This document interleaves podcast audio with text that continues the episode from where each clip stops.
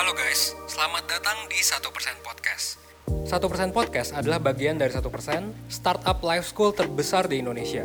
Dalam podcast ini kita bakal ngebahas topik-topik seputar kesehatan mental, pengembangan diri, serta edukasi life skills dengan tamu yang handal di bidangnya. Kami ingin kamu untuk bisa mendapatkan insight baru dan berkembang seenggaknya 1% setiap harinya. So that's all. Enjoy 1% Podcast untuk hidup seutuhnya.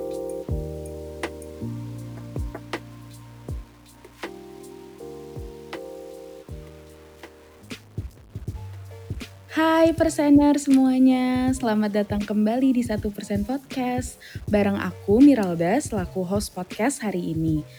Apa kabar para persener? Semoga kalian baik-baik aja ya. Kalau ada yang lagi sedih, semoga semuanya segera membaik ya. Dan kalau ada yang lagi seneng, selamat menikmati kesenangannya. Nah, hari ini aku mau bahas tentang war atau perang yang sering ada di diri kita sendiri nih ada yang tahu nggak perang antara siapa? Pasti kita tuh sering banget yang namanya bingung mau ngikutin otak atau hati. Terutama dalam memutuskan sesuatu, hal yang paling bikin bimbang itu adalah diri kita sendiri yang bingung mau ngikutin logika atau perasaan. Nah, untuk itu hari ini aku mau ngupas tuntas permasalahannya, otak versus hati, dan kita cari solusinya bareng-bareng.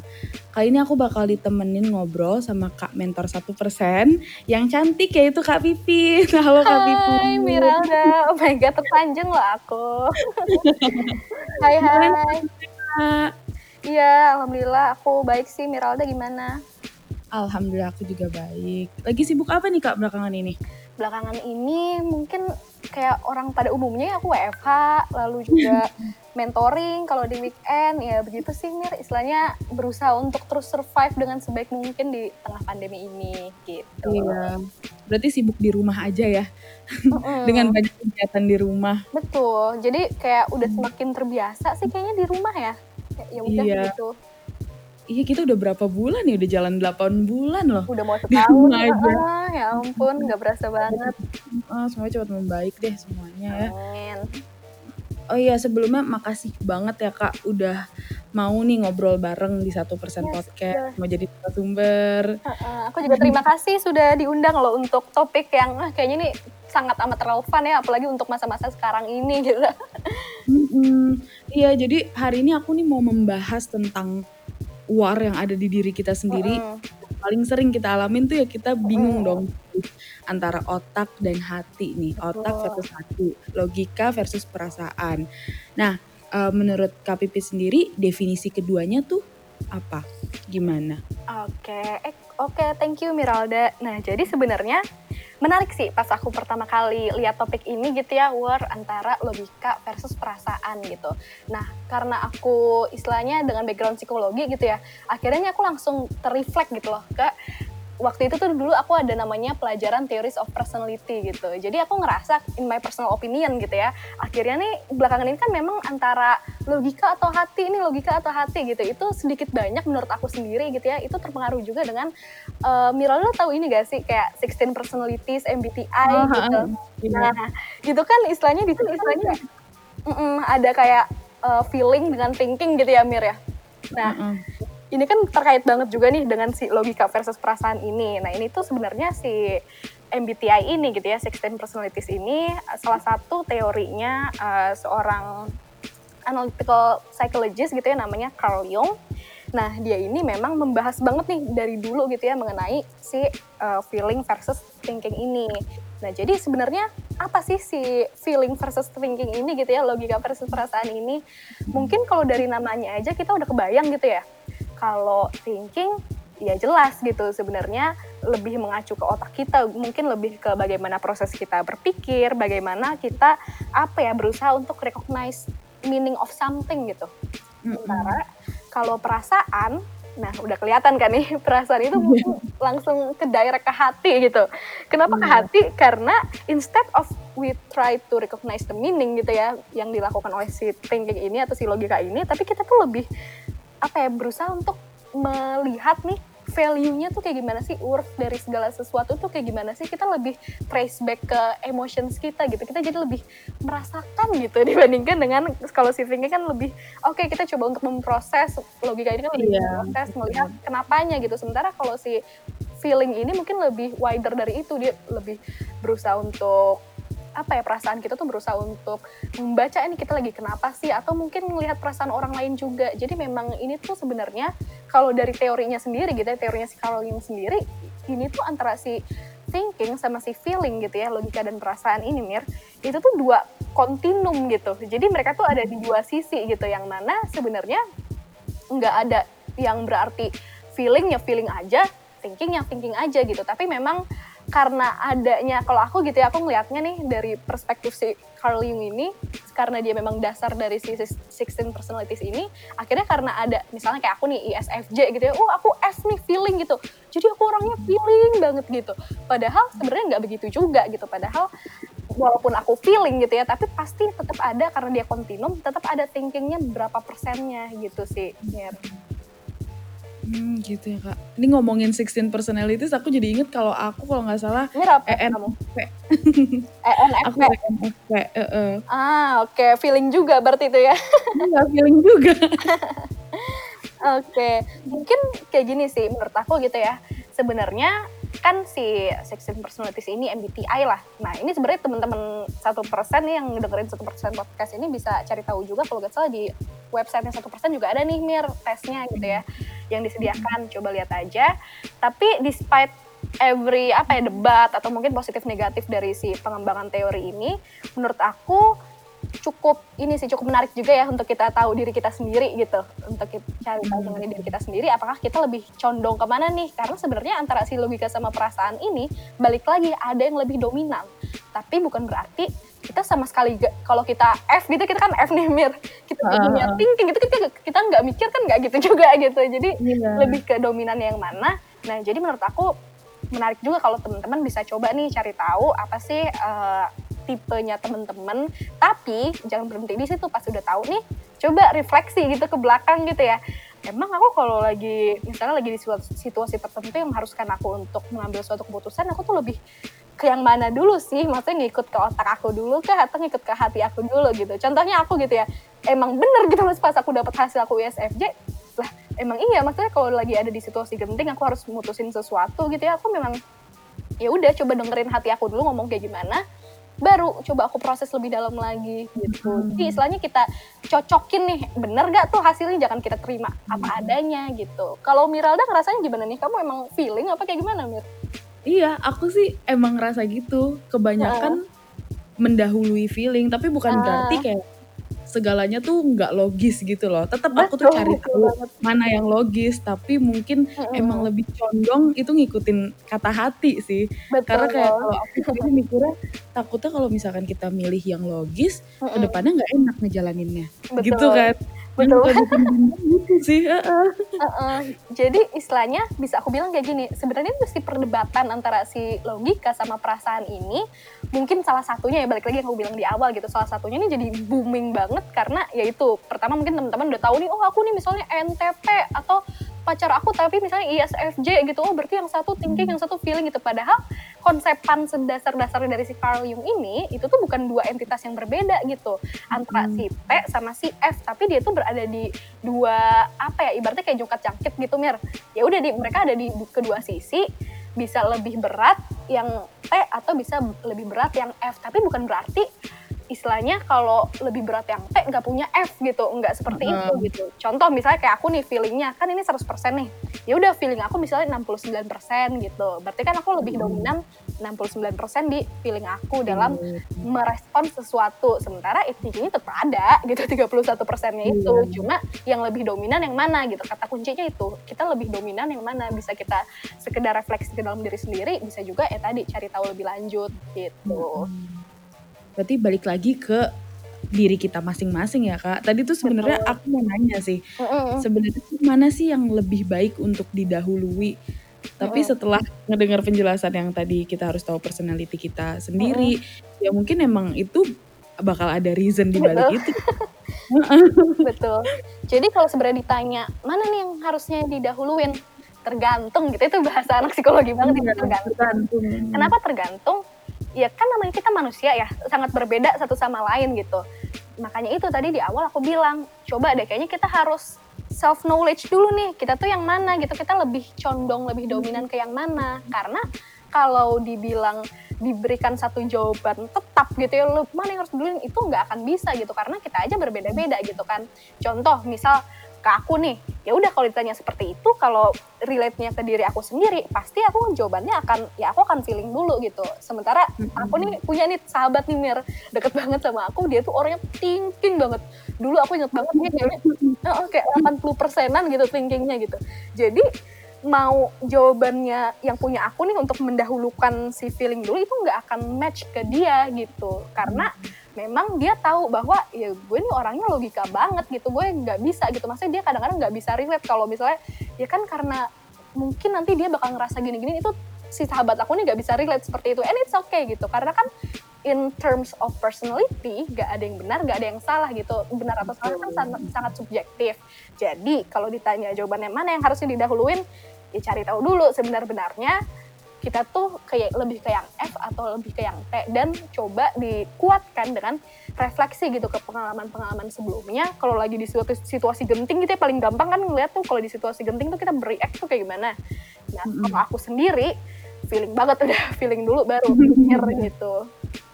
Sama dong, aku juga feeling banget deh gini. iya istilahnya kayak oke mikir ya tapi pas detik itu juga gitu ya kalau aku sih ngerasanya kayak ya udah aku dengerin dulu nih kata hati aku. Aku nih lagi ngerasa apa sih? Oh aku lagi ngerasa kayak gini. Tapi ya udah aku dengerin kata hati aku. Habis itu baru coba aku proses gitu ya. Oke kalau misalnya aku milih si A baru tuh aku mikir kemungkinan konsekuensinya A B C D E F G gitu sementara kalau aku milih si B konsekuensinya A sampai G juga gitu ya udah mana nih kira-kira dari kedua hal tersebut konsekuensi yang bisa lebih aku minimalisir nah di situ proses thinking aku tapi di awal bangetnya aku bakal dengerin dulu apa yang hati aku bilang ke aku gitu ya kalau kamu kayak gimana tuh Mir? Hati dulu ya di awal ya. Heeh. Kalau Miralda gimana? Iya, aku juga sebenarnya aku ngerasa feeling banget gitu loh. Heeh. Tapi tetap ada thinkingnya. Sama sih, mirip-mirip tuh. Tapi aku juga, aku mau sekalian aku mau nanya nih kak. Heeh. Kadang tuh yang sering kita hadapin ya, Heeh. itu banyak miskonsepsi-miskonsepsi antara uh, thinking dan feeling. Betul. Banyak banget kan miskonsepsinya.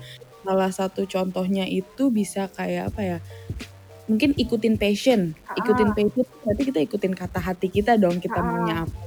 Tapi banyak kan yang misalkan bilang, aduh tapi passion lo itu nggak nggak logis Ah. atau misalkan masalah relationship juga Betul. kita kalau ngikutin kata hati nih gue sayang banget sama dia gitu misalkan. Ngerti. Eh, walaupun dia gimana juga masih maunya sama dia itu kan ngikutin kata hati padahal Ah. secara logika itu tuh udah nggak logis gitu Betul. misalkan orang sekitar kita tuh nggak nggak mendukung itu Betul. kita juga bingung mau gimana nih mau ngikutin kata hati atau kita ngikutin apa yang orang bilang dan emang kita sendiri tuh Iya. mikir yang aku bilang war itu adalah otak kita tuh kadang juga melawan gitu Nggak sinkron gitu ya. Heeh, nggak sinkron. Heeh, paling sering tuh di masalah relationship kali ya kayak otak kita tuh suka ngelawan. Iya ya nggak mau deh gue nggak mau disakitin lagi sama dia tapi hati kita tuh masih masih mau tuh. Nah itu kalau gitu gimana tuh kak menurut kak Pipit? Oke, nah ini good question banget sih Mir. Jadi menurut aku memang miskonsepsi itu udah makin banyak banget gitu kan. Nah balik lagi menurut aku gitu ya in my personal opinion, salah satunya tuh akhirnya karena kita lupa bahwa sebenarnya antara si perasaan sama si logika itu bukan dua entitas yang berbeda gitu, bukan dua entitas yang ya dipisahkan. Padahal mereka tuh sebenarnya memang berada di dua kutub yang berbeda aja, tapi saling jungkat-jungkit gitu. Nah itu mungkin salah satu yang kadang-kadang orang-orang tuh lupa gitu. Nah dari lupa itu akhirnya ya udah kita dalam react of things gitu ya mungkin unexpected things atau hal-hal yang nggak kita inginkan lah kita cenderung untuk fokus ke satu itu aja gitu. Karena kita ya itu apa namanya lupa bahwa sebenarnya thinking dan feeling ini nggak bisa dipisahkan gitu. Contohnya misalnya tadi kan case gitu ya. Iya misalnya eh, aku tuh pengennya masih sama dia gitu ya. Tapi misalnya teman-teman aku tuh udah bilang tuh toxic lah sama dia gini gini gini. Coba deh gini gini gini udah dikasih tahu so gimana pula. Pasti kita punya pengalaman kan kayak gitu. Masa dari yeah. diri kita sendiri atau teman kita mungkin gitu ya aduh aku udah ngasih tahu temen aku tapi nggak denger denger kok begitu sih? Gitu kan. Nah itu wajar banget terjadi gitu kan. Kenapa seperti itu? Ya tadi balik lagi karena mungkin kita namanya manusia gitu ya. Kadang kita lupa jadi fokus ke salah satunya aja. Misal kita fokus ke si feelingnya itu aja gitu ya. Ya udah misalnya eh, aku tuh masih sayang banget sama dia gitu. Nah berhenti di situ full stop gitu ya kita berhenti di situ akhirnya kita tuh enggak memproses lebih dalam lagi gitu. Misal perasaan kita oke aku sayang banget sama dia tapi dia tuh udah berkali-kali nyakitin aku gitu. Itu kan di feeling tuh di perasaan gitu ya. Nah tapi kita berhenti di situ gitu. Kalau kita misalnya melupakan keseimbangan di antara keduanya gitu. Kita berhenti di situ nah kita nggak memproses tuh istilahnya kayak kenapa akhirnya aku disakitin berkali-kali sama dia? Oh misalnya dia tukang selingkuh gitu. Oh misalnya dia bohongin aku terus terus malah jalan sama cewek lain misalnya seperti itu. Itu kan hal-hal yang membutuhkan proses kita untuk memahami why-nya gitu. Kenapa gitu? Kenapa semua itu seperti itu, kenapa semua itu terjadi, itu kan membutuhkan logical proses gitu, logical thinking. Nah, kadang karena kita udah terlalu fokus ke perasaan kita, contohnya gitu ya, kalau misalnya F banget nih, kalau kita udah fokus ke perasaan kita, kita tuh jadi mengab seolah mengabaikan apa yang seharusnya tetap kita pikirkan gitu. Jadi kayak udah clouded aja gitu, Mir, kayak ya udah berhenti di full stop di ya udah dia nyakitin aku tapi aku sayang banget sama dia gitu. Akhirnya mau orang ngomong apa juga sahabatnya ngomong di kuping dia langsung juga karena dia udah fokus di feelingnya aja gitu ya.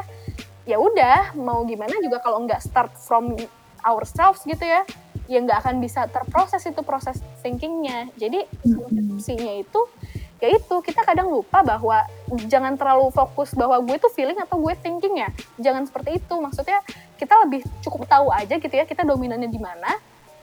Tapi tetap ingat bahwa pun aku SFJ gitu pun aku feeling banget tapi tetap ada thinkingnya gitu sebesar 31% yang tadi contohnya gitu ya. Jadi kita tetap berusaha untuk menerapkan si balance perspektif itu. Kalau kita tetap berusaha ingat bahwa ya udah gue feeling ya tapi gue tetap ada thinkingnya gitu. Jadi kita nggak akan lupa untuk nggak full stop di ya udah dia selalu nyakitin gue gitu. Tapi kita lanjutin ke oh kenapa dia nyakitin gue? Oh gini gini gini oh kenapa dia bohong? Oh gini gini gini nah itu sih Mir menurut aku. Iya, berarti harus balance ya kak ya. betul. Entah itu berarti nggak harus 50-50 dong. Mungkin Betul. kita emang punya punya condong ke feeling atau punya condong ke thinking. Tapi at least kita tuh harus combine keduanya itu. betul Biar betul. akhirnya mendapatkan solusi itu ya yang bener ini. banget. Ibaratnya ya kayak tadi aku feelingnya 69% ya aku masih punya thinking 31% ya itu mungkin balance aku gitu. And it's okay it's very okay. Balik lagi gak ada yang salah gak ada yang benar dalam sebuah personality gitu. Aku juga pernah dapat menti nih Mir. Ini lucu sih. Kayak menti aku itu thinkingnya dia cerita gitu ya dia pernah ikut MBTI tapi nggak tahu sih tahun kapan gitu ya. Thinking dia tuh 99% gitu. Terus feelingnya satu persen dan memang sepanjang mentoring tuh dia kayak mempertanyakan segala hal gitu. Jadi kayak mentoring kita tuh agak random gitu ya dia mempertanyakan segala hal ngomong terus gitu ya.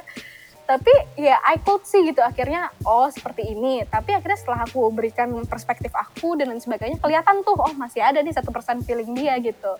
Nah itu sih. Jadi kadang-kadang karena kita udah oh gue thinking nih. Gitu. Jadi kita lupa bahwa sebenarnya si MBTI ini gitu ya nggak cuma antara feeling sama thinking aja nih Mir. Maksudnya semua aspeknya gitu mulai dari ek- ekstrovert introvertnya terus si sama sensingnya itu tuh sebenarnya bukan dua entitas yang berbeda. Bukan berarti kalau kamu feeling ya kamu nggak mikir gitu. Bukan berarti juga kalau kamu thinking kamu nggak punya perasaan gitu. Kita jangan lupa seperti itu bahwa itu tuh hanya lebih ke mana nih yang lebih dominan. Oke kalau lebih yang dominan yang ini ya udah gak apa-apa. Berarti itu balance versi kita sendiri gitu. Iya. Jadi kayak kita bakal come up with a solution juga ya kalau misalkan kita bisa balancing. Mm-mm. Karena itu sih banyak banyak ya kalau menurut aku. Aku sendiri juga jadi belajar gitu dari dari kesalahan-kesalahan di masa Iya. lalu. Mungkin aku terlalu mentingin feeling banget sampai nggak nggak mikir juga gitu logika gimana. Itu tuh padahal harus kita pikirin juga gitu ke Mm-mm. depannya. Heeh, istilahnya ya udah nggak apa-apa maksudnya kan kita dari hal itu kita kan belajar gitu ya oh iya ternyata Iya. gue seperti ini pun aku dulu juga seperti itu gitu jadi mungkin dengan kita udah kenal dengan diri kita sendiri gitu ya oh aku lebih dominan di feeling nih ya udah kita jadi lebih prepare gitu. The next time we have to face mungkin situasi yang benar-benar harus bikin kita apalah jadi sedih atau terlalu marah atau terlalu bahagia gitu ya.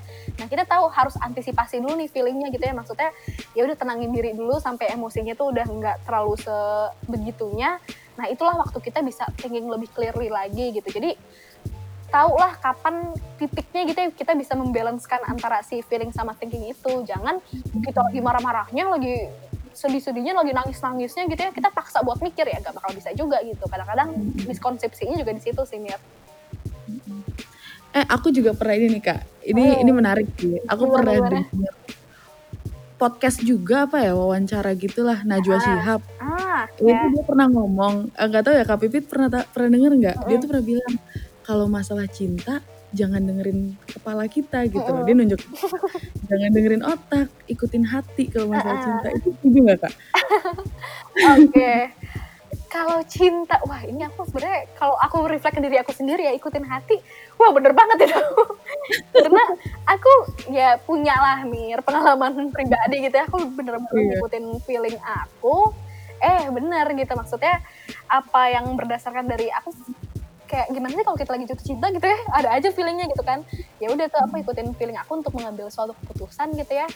Eh terus uh, gak lama kemudian bener tuh apa yang aku intuisikan gitu ya apa yang aku rasakan tuh beneran terjadi gitu. And it's very okay gitu. Kan istilahnya namanya cinta kita gak selamanya masuk akal gitu ya kayak mm-hmm. yang disebut bucin-bucin pun kadang-kadang kan kita kalau kita pikirin pakai logika kan emang gak masuk akal juga ya mikir yeah. kebucinan kita tuh sampai segimana tuh gak masuk akal juga gitu nah tapi balik lagi gitu mungkin ada juga orang yang uh, kurang sependapat gitu ya dengan cinta pakai hati dan sebagainya karena mungkin mereka itu lebih ke yang harus ada rasionalisasi di belakangnya gitu. Jadi mungkin aja mereka pakai hati tetap tapi di pakai hatinya itu ada rasionalisasinya nih mir di belakangnya gitu. Jadi mungkin sama uh, intinya gitu ya tapi sampai terrealisasi seperti itu mungkin prosesnya yang berbeda gitu. Iya, betul betul betul. Aku setuju sih yang itu.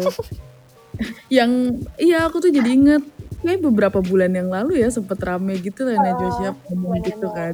Aku tuh mikir oh ya aku setuju nih kalau soal cinta aku pernah ngobrol sama teman aku. Kalau soal cinta kita tuh mendingan ikutin hati iya. jangan jangan pikiran karena nggak bakal nemu gitu loh. Nggak bakal nemu titik. Tapi tuh temen aku tuh ada yang menentang itu. Nah iya sama temen aku juga ada yang menentang banget. Menentang. Kayak pasti dia ngomongnya lah berarti lo mau dong dibego-begoin cowok kayak gitu loh. Bahasanya gitu lah. Terus aku bilang loh bukan dong tapi kan kita kalau cinta kita harus ngikutin kata Betul. hati. Tapi dia kayak nggak setuju. Terus ya di situ aku mikir berarti emang tiap orang bakal beda-beda sih punya punya cara masing-masing mau ngikutin hati atau otak yaitu bagaimana kita balancing aja di diri kita sendiri ya kak Betul banget. Kayak sama nih kayaknya casing sama sahabat aku ini. Dia juga thinking banget gitu kan. Pokoknya dulu sebelum istilahnya pas semua orang lagi jatuh cinta gitu ya dia kayak gue tuh gak bisa? Kayak gitu kayak tadi dia bilang kayak kayak masa mau sih kayak gini gini gini gini? Gitu. Until the day she falls in love herself gitu dengan orang lain gitu. Nah ternyata aku bisa lihat nih oh pelan-pelan dia berusaha untuk pakai feeling dia juga gitu dan ternyata yeah. terlihat juga di perwujudannya walau gitu ya kita sebagai orang luar tuh bisa ngeliat nih dia tuh masih dominan banget thinkingnya tapi ada kok feelingnya gitu jadi intinya adalah ya kita berbeda-beda nih tiap manusia gitu ya mungkin pada dasarnya cinta memang pakai hati gitu tapi intensitasnya aja yang berbeda-beda dan itulah tugas kita gitu ya sebagai diri kita sendiri tahu nih kita tuh tipenya kayak gimana sih biar lebih bisa membalancekan diri di kemudian hari gitu sih. Hmm, Oke. Wah, jadi belajar juga nih aku nih. Terakhir Kak, ada tips and tricks nggak buat perseners nih untuk yang mungkin masih ngerasa bimbang gitu loh, bingung mau ngikutin logika atau perasaan. Ada tips and tricks nggak Kak? Oke, mungkin kalau tips and tricks gitu ya. Yang pertama, udah tahu belum kamu lebih dominannya ke mana? Apa thinking sama feelingnya? Itu dulu nomor satu gitu ya kalau udah tahu oh ya udah nih misalnya aku lebih ke feeling atau lebih ke thinking gitu ya. Kalau belum tahu ya coba aja. Tadi kan udah kita bahas gitu ya Mir. Di awal bisa lewat uh, eh, MBTI itu ada di website satu persen atau bisa juga sekedar refleksi ke belakang pasti kelihatan di lama-lama kita tuh kalau dalam ngambil keputusan lebih condong yang mana sih gitu lebih hati dulu atau otak dulu gitu kan. Itu yang pertama. Pokoknya know ourselves dulu. Terus yang kedua lihat situasinya gitu jadi maksudnya kan beda-beda gitu ya. Tadi balik lagi kalau misalnya cinta kayaknya orang-orang memang lebih condong tuh ke hatinya gitu ya. Atau mungkin uh, kalau di aspek kehidupan yang lainnya bisa beda tuh mana yang lebih dominan gitu. Misalnya pekerjaan gitu. Pekerjaan mungkin akan jauh kita harus lebih mikir dulu kan. Nggak mungkin kita asal-asalan gitu kan. Kita bertanggung jawab terhadap suatu instansi gitu kan. Nah jadi lihat dulu situasinya. Apakah situasinya masih istilahnya masih bijak apabila kita mengikuti hati kita atau memang kayaknya udah contoh gitu ya, kayak toxic relationship gitu yang sebenarnya kita udah tahu nih kita di toxic relationship gitu ya tapi ya udah karena kita nggak sadar itu dan nggak berusaha untuk menyadari itu kita kita ngikutin kata hati kita jadinya ya udah ngikut aja kata hati gitu. Padahal temen kita udah teriak di samping kuping kita gitu kan Mir.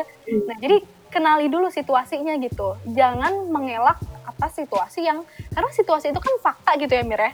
Yang objektif objektif yang ada memang seperti itu gitu realitanya memang seperti itu gitu. Jadi kita kenali dulu situasinya. Oke kalau situasinya memang toxic relationship contohnya gitu ya. Oh ya udah berarti kayaknya aku bisa coba untuk lebih membalancekan lagi sekuat tenaga gitu ya dengan thinking aku nih gitu. Karena kalau misalnya aku tetap misalnya nih aku gitu ya dengan ke feelingan aku yang 69% ini gitu aku tetap mengikuti aja alur yang seperti itu atau bahkan feeling aku makin mendominasi kan itu rasanya kurang bijak ya Mirai di situasi toxic relationship seperti itu gitu. Tapi misalnya lebih ke situasi yang lainnya mungkin aja akhirnya kita uh, mengikuti feeling pun nggak apa-apa gitu. Mungkin situasi-situasi yang masih ambigu nih contohnya misalnya kayak aduh aku curiga nih misalnya pacar aku uh, selingkuh apa enggak gitu ya. Apakah aku lebih baik uh, membuntuti dia atau misalnya ngestalkin HP dia atau enggak. Nah, itu kan kita belum ada realitanya nih. Nah, itu kita bisa lebih bijak kan apakah ya udah kalau ikutin kata hati ya sebenarnya gak apa-apa juga karena kan itu belum ada realitanya yang jelas gitu. Sementara kalau hmm. tadi si toxic relationship itu kan ya realitanya udah ada gitu loh. Misalnya kamu di udah nyata gitu ya. udah diselingkuhin udah itu tuh kan realitanya hmm. gitu jadi pertama kenali diri kedua kenali situasinya gitu dan ketiga balance tadi balance-nya versi kita gitu nggak harus 50-50 tapi uh -uh. ya ada ada kombinasinya gitu ya, kombinasinya ya. apakah itu misalnya mikir dulu baru ngikutin perasaan atau perasaan dulu gitu ya baru dipikirin tadi konsekuensinya tuh apa-apa aja dan mana nih konsekuensi mana yang bisa lebih aku minimalisir atau aku uh, apa ya tolerir lah untuk hadapi. Karena kan di setiap keputusan kan pasti ada konsekuensinya ya Mir ya. Konsekuensi negatifnya nggak mungkin nggak ada gitu. Ya udah nggak apa-apa. Tapi kan dengan kita thinking itu dengan kita nggak cuma feeling aja kita bisa lihat nih mana konsekuensi yang masih bisa aku tanggung gitu. Betul betul Wah, tips and tricksnya bukan cuma buat planners, buat aku juga loh. Mantap ya Mira, kita bahasannya ah, agak mengurangi orang otak sama F nih. kita kan sama-sama F nih malah jadi belajar ya. Kita harus balance gitu. dan kadang-kadang ya memang sebagai orang yang FK kita gitu ya memang agak sulit juga untuk mikir di situasi tertentu gitu ya. Tapi kan kalau kita berpasrah sama diri kita apa adanya gitu ya itu kurang bijak juga gitu kan. Makanya aku kadang-kadang suka kurang apa ya bukan kurang setuju sih kurang mengamini aja dengan ya just be yourself gitu. Bukan itu masih ada lanjutannya kalau menurut aku ya tapi be the best version of yourself gitu. Jadi kita yeah. jangan berpasrah oh gue feeling orangnya gue akan ikuti kata-kata hati gue gitu. Nggak hanya berhenti di situ gitu tapi ya be the best version of yourself. Oh oke okay, aku feeling 69% masih ada 30% yang harus aku manfaatkan sebaik mungkin di thinkingnya gitu Oke, berarti itu pesan untuk perseners ya kak, iya. bukan be yourself aja, tapi be the best version of yourself. Indeed, indeed. betul banget. oh. Ini aku juga mikir nih kak untuk berarti untuk perseners yang kalau merasa berat banget nih untuk memutuskan sesuatu betul. atau kayak bimbang nggak bisa mm -hmm. nemu titik akhir. Pasti awalnya berat banget. Juga ya ngobrol sama profesional ya. ke psikolog atau mentor gitu ya kak? Betul, istilahnya dalam ini kan proses gitu ya Mir bisa dibilang. Apalagi kalau kita awalnya belum tahu gitu dari kita kayak gimana. Dan namanya proses itu akan sangat panjang dan awalnya tuh kayak batu gede banget gitu bakal sulit banget gitu. So it's very okay. Don't force yourself too hard gitu kalau belum tahu atau belum nemu titik terangnya gitu ya. Dan it's okay kalau di belum nemu titik terang itu butuh bantuan gitu. Bantuan profesional atau bantuan mungkin curhat ke teman yang tepat gitu kata kunci yang tepat jadi uh, prosesnya memang sulit dan panjang jadi ya gak apa-apa banget kalau ngerasa belum nemu-nemu nih ya udah berarti know when's the time for you to ask for help gitu. Iya, seeking for help ya. Betul. Dan itu bukan berarti kalian tuh lemah. Sama sekali enggak. Sama sekali enggak. Mm -mm. Bener banget tuh kak. Oke okay deh kak uh -uh. thank you banget ya udah sharing banyak nih thank tentang juga, Tapi terakhir nih kak boleh disimpulkan nggak nih? Uh Oke. Okay. dari obrolan kita hari ini nih. Boleh boleh.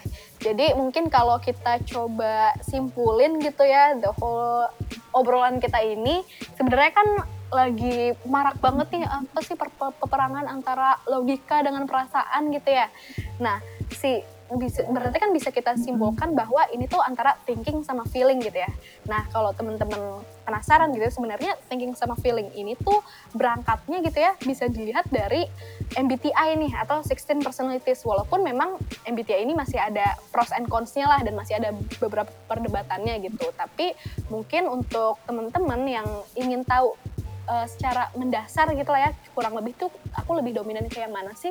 Karena pada dasarnya si thinking sama feeling ini logika sama perasaan kita ini tuh bukan dua hal yang terpisahkan. Tapi istilahnya dua entitas yang berada dalam satu kontinum gitu. Jadi kayak jungkat-jungkit, teman-teman bayangin seperti itu gitu kayak jungkat-jungkit yang mana mungkin salah satu dari kita bisa lebih dominan di logikanya atau salah satu dari kita bisa lebih dominan di perasaannya gitu. Nah untuk tahu lebih dominan ke mananya, balik lagi kayak yang tadi gitu, mungkin bisa coba si MBTI ini atau sekedar refleksi ke diri sendiri di pengalaman-pengalaman sebelumnya tuh lebih condong yang mana sih, itu bisa seperti itu gitu. Nah terus gimana nih biar uh, ke depannya gitu ya kalau misalnya aku udah tahu nih oke okay, aku thinking banget nih. Tapi aku nggak pengen begitu banget juga gitu. Maksudnya aku pengen bisa lebih bijak lah dalam menghadapi segala sesuatu ke depannya gitu. Nah karena tadi balik lagi gitu ya si thinking dan feeling ini bagai jungkat jungkit kita jangan lupa untuk selalu gitu ya membalancekan perspektif kita gitu. Jadi apabila kita tipe orang yang thinking gitu ya jangan lupa bahwa kita masih punya sesekian persen dari si feeling gitu. Jadi coba tetap untuk balance kan dengan nggak mengabaikan si feelingnya itu. Dan balance-nya tuh segimana gitu. Ya itu tergantung dari diri kita sendiri gitu. Istilahnya bukan berarti 50% 50% balik lagi. Tergantung ke diri kita sendiri seberapa balance-nya. Dan mungkin itu bisa kelihatan juga sih kalau di MBTI itu ada skornya gitu. Lebih misalnya kayak tadi aku sih feelingnya 69% thinkingnya 31% gitu. Jadi balance versi kita. Kenapa harus balance? Ya namanya hidup ya. Maksudnya kalau nggak balance kan apa pun itu di luar dari thinking sama feeling ini gitu ya. Kayaknya kan kurang bijak gitu. Jadi ya udah kita latih diri kita sebisa mungkin gitu ya. Jangan berhenti di thinking aja atau jangan berhenti di feeling aja. Karena dua hal itu merupakan dua kontinum yang kayak jungkat-jungkit yang perlu kita seimbangkan biar dia bisa lebih objektif dan bisa lebih bijak nih membantu kita dalam memutuskan sesuatu gitu sih Mir mungkin kesimpulannya ya Oke deh kak berarti ya tetap ya ditangkap bisa diambil ya pelajarannya kalau kita ngelihatnya itu kayak bukan dua hal yang terpisah Betul. tapi ini kayak jukat aja gitu ya. Uh -uh. Bener aku setuju tuh kak. Aku baru baru serak gitu loh ke situ. Jadi jangan selamanya ngelihat ini sebagai perang gitu. Maksudnya perang itu sebenarnya ada di otak kita aja gitu. Padahal mah otak kita sendiri yang bikin perang itu. Ya. Padahal mah kalau kita instead of memikirkan itu sebagai perang, coba jalin kerjasama antara si otak sama hatinya gitu. Hmm, kerjasama otak dan hati Betul. itu bakal membuahkan balance juga nah, dan mantep banget. mantep banget nih closing statement kita. Nah, Oke deh kak, berarti uh, itu aja sih ya kalau misalkan dari aku. Mm-hmm. Ada lagi mungkin kak yang mau disampaikan ke perseners? Udah cukup sih kalau dari aku. Terima kasih sudah mendengarkan kita yang bersemangat sekali ini. Aku ya terima kasih banyak ya Kak Pipit atas waktunya hari ini. Nah buat perseners mungkin yang tadi udah merasa bimbang banget dan butuh ngobrol sama profesional, boleh banget ikut online mentoring satu persen bareng mentor-mentor kayak Kak Pipit ini misalkan mau ngobrol lebih private gitu ke Kak Pipit boleh ya Kak? Boleh banget dong. Juga konsultasi ke psikolog juga bisa. Selain online mentoring sama konsultasi juga kita punya online class dan webinar yang pastinya banyak banget manfaatnya. Info lebih lengkapnya kalian bisa follow dan cek terus ter- info terbaru di Instagramnya at 1% official. Oke deh kak, udah Oke, Mir. ujung acara. Iya, Terima kasih banyak ya sekali Terima lagi udah banyak. untuk Iya. sharing perseners hari ini, sharing juga ke aku. Nah, Heeh. Hmm, Siap. Untuk teman-teman persener semua, semoga episode hari ini bermanfaat ya dan pelan-pelan kita berkembang setidaknya satu persen setiap harinya. Asik. Aku. Firalda bersama Pipit. Ya kita berdua pamit undur diri. Terima kasih dan sampai ketemu di episode selanjutnya. Dadah.